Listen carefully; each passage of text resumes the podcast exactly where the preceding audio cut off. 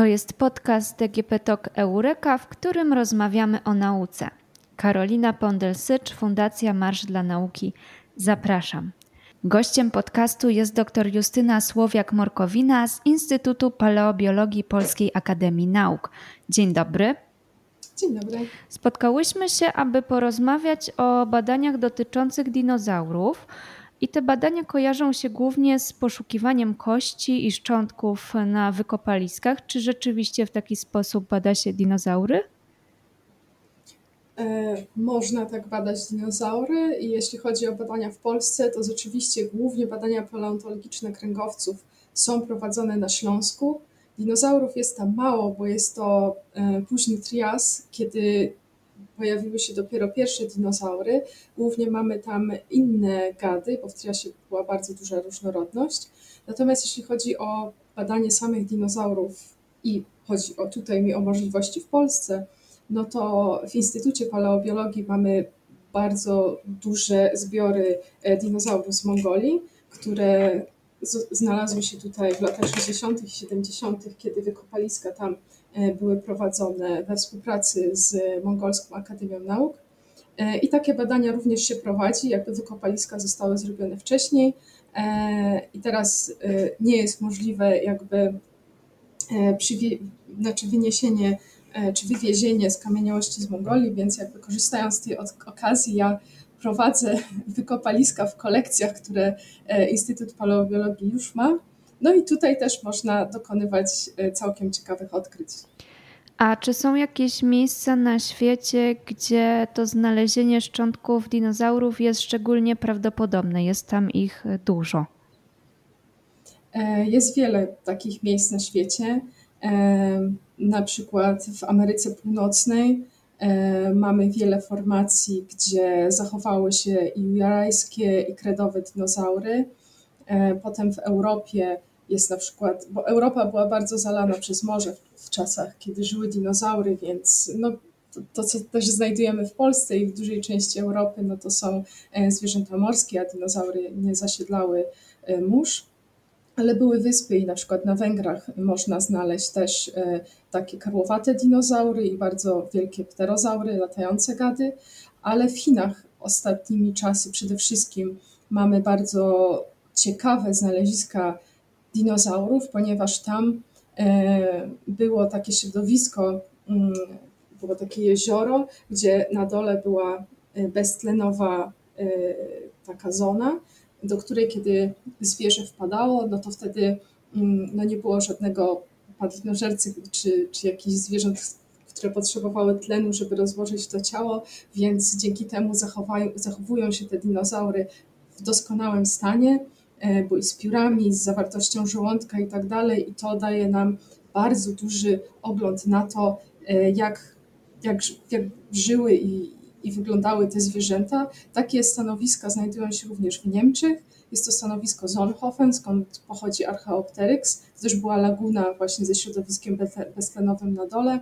No i w Niemczech też są potem młodsze stanowiska, już nie dinozaurowe, e, właśnie Messel, gdzie znajdujemy pierwsze ssaki, tam też właśnie z zachowaną sierścią, zawartością żołądka i tak dalej. Takie stanowiska są bardzo rzadkie.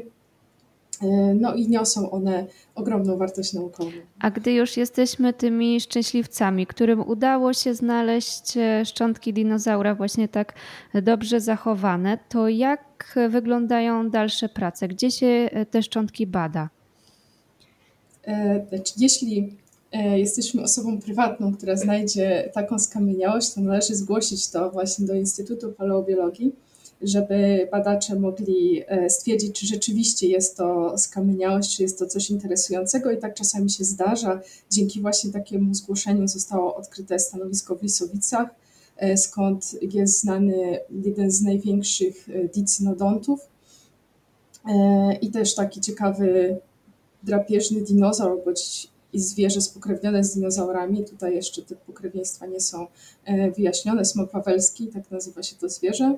No i jeśli e, znajdziemy taką skamieniałość i zgłosimy to właśnie Instytutowi, to następnie należy mm, jakby nie wyciągać tej skamieniałości tak pochopnie, ponieważ jeśli wyciągniemy tą skamieniałość tak po prostu z ziemi, no to wówczas tracimy całą informację odnośnie tego, e, jak to zwierzę zginęło, jak, w jakim środowisku żyło e, i tak dalej. Dlatego istotne jest na początku, przed wydobyciem tej skamieniałości, zebranie danych z terenu odnośnie litologii, ułożenia szkieletu i tak dalej E, następnie zabierany jest ten e, szkielet do preparatorni. E, tam wypreparowany jest z osadu.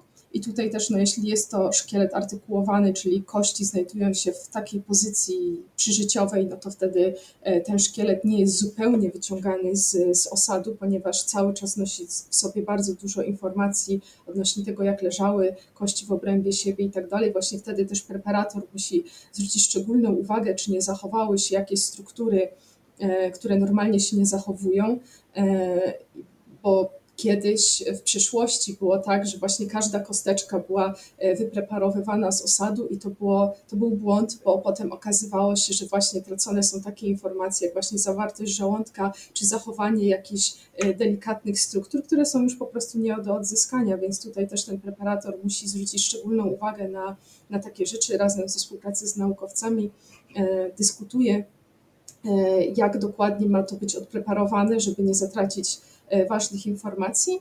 No i następnie e, obecnie tworzymy modele 3D, też e, tych skamieniałości możemy te modele, w związku z tym, że teraz jest to dużo prostsze niż kiedyś, bo używamy i skanerów do modelowania 3D, fotogrametrii, jeśli kości są bardzo duże.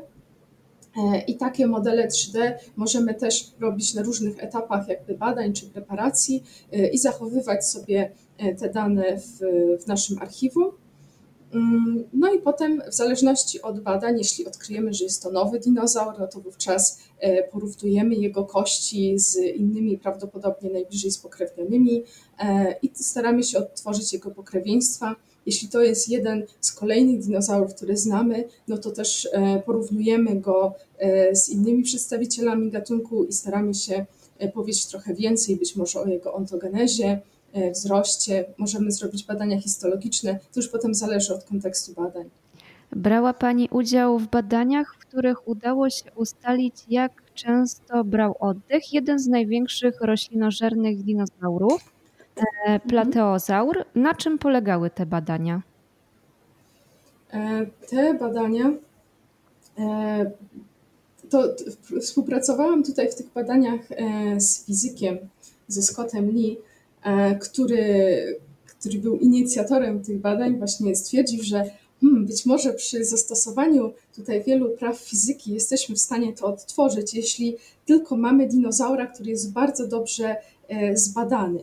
Bo tutaj nie, nie, nie do każdego dinozaura jesteśmy w stanie mm, jakby odtworzyć aż tak dużo informacji, jak w wypadku plateozaura.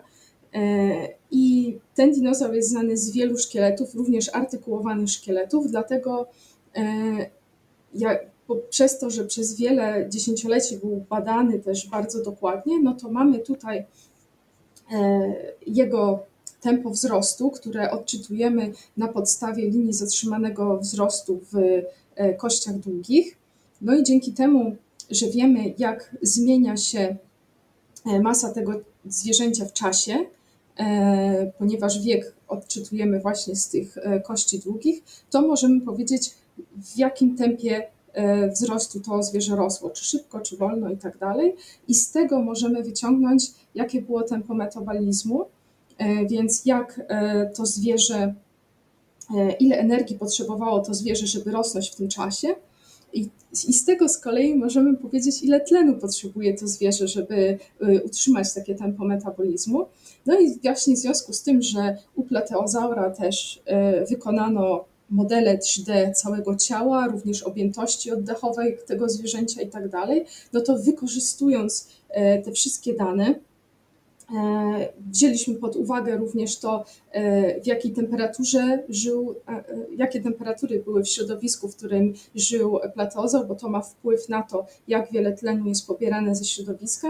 No i wzięliśmy też pod uwagę to, ile tlenu było wówczas w tym czasie, kiedy żył, i te wszystkie czynniki, łącznie z tą objętością oddechową, jaką potrzebuje plateozaur i ile tego tlenu potrzebuje, dały nam właśnie ten wynik, że wykonywał on 7 oddechów na minutę.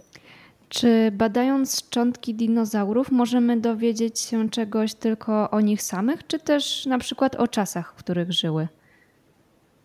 E, możemy dużo dowiedzieć się też o, o tych czasach, w sensie o środowisku, w którym żyły i, i tym, e, jak wyglądał ten świat. E, tutaj, bo to chodzi o środowisko, w którym żyły, tak? Czy tak, na przykład. Na, na podstawie dinozaurów. No możemy odtwarzać te ekosystemy, jak one żyły. Na przykład ostatnio pojawiła się taka ciekawa praca, która pokazała, że mm, w ekosystemach, w których żyły dinozaury, nie ma średniej wielkości drapieżników. I to jest dość ciekawe, ponieważ na sawannach na przykład no, drapieżnicy są od najmniejszego do największego, e, nie ma jakiejś takiej dziury, a w wypadku dinozaurów mamy taką dziurę. I tutaj pojawiło się pytanie, dlaczego ten ekosystem był inny niż, niż to, co widzimy dzisiaj. No i prawdopodobnie e, tutaj sugeruje się, że to może wynikać z tego, że mm, po prostu było tak dużo średniej wielkości dinozaurów, e, znaczy jeśli mamy bardzo duże gatunki jak tyranozaur, no to one składały bardzo dużo jaj. E, nie tak jak dzisiaj, że to są, że tych młodych jest mniej. I w związku z tym ta nisza, która nam się wydaje pustką, teraz, to ją zajmowały po prostu średniej wielkości dinozaury, takie podrostki jeszcze tych dużych osobników. Było ich na tyle dużo, że dlatego nie było żadnych takiej średniej wielkości zwierząt. Więc mamy tutaj różnice w tych ekosystemach, ale też bardzo dużo podobieństw. Też na wypadku dinozaurów drapieżnych okazało się, że podobnie jak krokodyle, E, wykazywały podobne zachowania. E, na przykład, kiedy osiągały dojrzałość płciową, to gryzły się między sobą i tego świadectwem są właśnie liczne mm, blizny na, na pyskach, które dzisiaj jeszcze się zachowały, były na tyle głębokie, że odcisnęły się na kościach. Jak wiemy, dinozaury wyginęły, bo już nie ma ich wśród nas. I czy badania tego, dlaczego tak się stało, e, mogą pomóc obecnie na przykład w planowaniu tego, jak ochronić nasz gatunek ludzi przed wyginięciem? E, znaczy, to nie do końca prawda, że dinozaurów nie ma, ponieważ dzisiaj e, potomkami dinozaurów są ptaki, więc dinozaury przetrwały pod taką Y, postacią. E, I, I tak, oczywiście, jakby nie tylko w kontekście wymierania dinozaurów, ale też ogólne zmiany środowiska czy temperatur w, w historii Ziemi mogą nam, pomagają nam tworzyć lepsze modele przyszłości. Tutaj to nie do końca dinozaury są tym najlepszym mm, wskaźnikiem, ponieważ głównie bada się tutaj takie no, bezkręgowce, powiedzmy tak, e, które są bardziej wrażliwe na, na zmiany, no i po prostu też zapis kopalny jest dużo lepszy e, tych zwierząt, więc można precyzyjniej odtwarzać te zmiany e, klimatu, zmiany tlenu i tak dalej w przyszłości, co tak jak powiedziałam, przekłada się na lepsze, lepsze lepszą predykcję tego, co może się zdarzyć w przyszłości.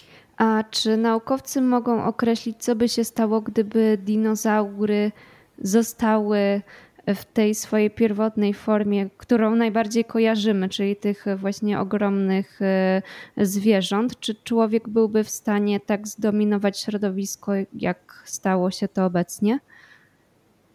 E, wydaje się, że nie. Znaczy, w sensie, gdyby, gdyby nie było na koniec asteroidy i gdyby, bo też tam pod koniec kredy wulkanizm był zwiększony i to powodowało, że mm, część dinozaurów już zaczęła wymierać i potem ta asteroida była, po prostu je dobiła. E, natomiast wcześniej na przełomie Jury i Kredy i innych e, powiedzmy okresów geologicznych też zdarzała się taka wzmożona aktywność wulkaniczna i w tamtym czasie, jeśli chodzi o wpływ na dinozaury, to te dinozaury największe, najsilniej wyspecjalizowane rzeczywiście wymierały, ale ich miejsce zajmowały po prostu inne dinozaury. W ten sposób na przykład e, tyranozaury przejęły e, niszę głównych drapieżników, ponieważ też pod koniec kredy, na przełomie dolnej i górnej kredy, też wulkanizm był silniejszy i on spowodował, że takie duże dinozaury drapieżne z grupy Carcharodontosaurów wymarły w, w części północnej i wtedy tyranozaury, które mm, w porównaniu do innych dinozaurów drapieżnych, które żyły w, tamtym czasie, tylko musimy pamiętać, że w tamtym czasie tyranozaury to, to nie był taki wielki tyranozaur, one były wielkości psa, te, te, te wcześniejsze formy, to e, one zdominowały wówczas, e, znaczy przejęły kontrolę nad, e, Ameryką, nad północną półkulą, dlatego że miały po prostu większe mózgi od pozostałych e, dinozaurów drapieżnych, to co spowodowało, że jakby szybko zajęły tą niszę i z tych małych wielkości psa dinozaurów drapieżnych przeobraziły się właśnie w te, w te wielkie e, gady drapieżne, które widzimy chociażby w Parku Jurajskim i tak dalej, więc wydaje się, że gdyby nie było tej asteroidy mm, czy, czy tego wymierania, to prawdopodobnie stałoby się coś podobnego, czyli e, te największe, najbardziej wyspecjalizowane dinozaury mm, prawdopodobnie wymarłyby. To jest jakby typowe dla, dla wymierań, że te wyspecjalizowane zwierzęta są najbardziej narażone na wymarcie, kiedy zmienia się środowisko, natomiast te takie bardziej e, otwarte na zmiany, mniejsze zwierzęta przetrwają. Więc być może przetrwałyby nie tylko ptaki, ale również e, inne grupy dinozaurów. I człowiekowi czy ssakom być może ogólnie trudniej byłoby przejąć kontrolę. Czy ma Pani swojego ulubionego dinozaura, który jest e, takim dla Pani szczególnie interesującym obiektem badań? A, to jest pytanie, które zaskakująco często ostatnio jest mi zadawane. E, generalnie wydaje mi się, że jako teraz uważam, że moim faworytem obecnie, jeśli chodzi o dinozaury, jest tarbozaur. E, teraz e, zajmuję się badaniem właśnie tego dinozaura, uważam, że jest fascynujący. Jest to duży dinozaur drapieżny, troszkę mniejszy od tyranozaura i z nim spokrewniony i w tym czasie, kiedy pod koniec, kiedy, kiedy tyranozaur władał Ameryką Północną, to właśnie tarbozaur był głównym drapieżnikiem Azji. Dinozaury to jest temat, którym szczególnie interesują się e, dzieci i czy mogłaby Pani podpowiedzieć, co zrobić, e, jaką ścieżką życiową pójść, żeby w przyszłości właśnie zajmować się dinozaurami i badać je? Mm, e, teraz są bardzo fajne możliwości, tak mi się wydaje, E, rozwoju w ogóle w nauce czy w dinozaurach. E, przede wszystkim wydaje mi się, że jeśli ktoś jest bardzo zainteresowany, to warto pisać do badaczy, e, znajdować kontakt na, na stronie internetowej instytutów. Sama w zeszłym tygodniu prowadziłam warsztaty dla Krajowego Funduszu na Rzecz Dzieci, gdzie właśnie przez tydzień młodzież mogła zapoznać się z tym, jak pracują badacze, jakie są właśnie możliwości, jak to wygląda bezpośrednio w samym instytucie, więc warto szukać takich możliwości, żeby e, jakby poznać się z badaczami e, na miejscu, zobaczyć, czy to jest rzeczywiście to, czy mi się to podoba. E, I potem wybrać studia o kierunku biologicznym bądź geologicznym, albo połączyć oba kierunki, tak jak ja to zrobiłam w ramach MISMAP-u na Uniwersytecie Warszawskim. No i potem doktorat i tak dalej. Czyli żeby badać dinozaury, najlepiej e, zostać naukowcem. Tak. Dziękuję bardzo za rozmowę. Proszę. Gościem podcastu DGP Talk Eureka była dr Justyna Słowiak-Morkowina z Instytutu Paleobiologii Polskiej Akademii Nauk. Dziękuję bardzo. Dziękuję.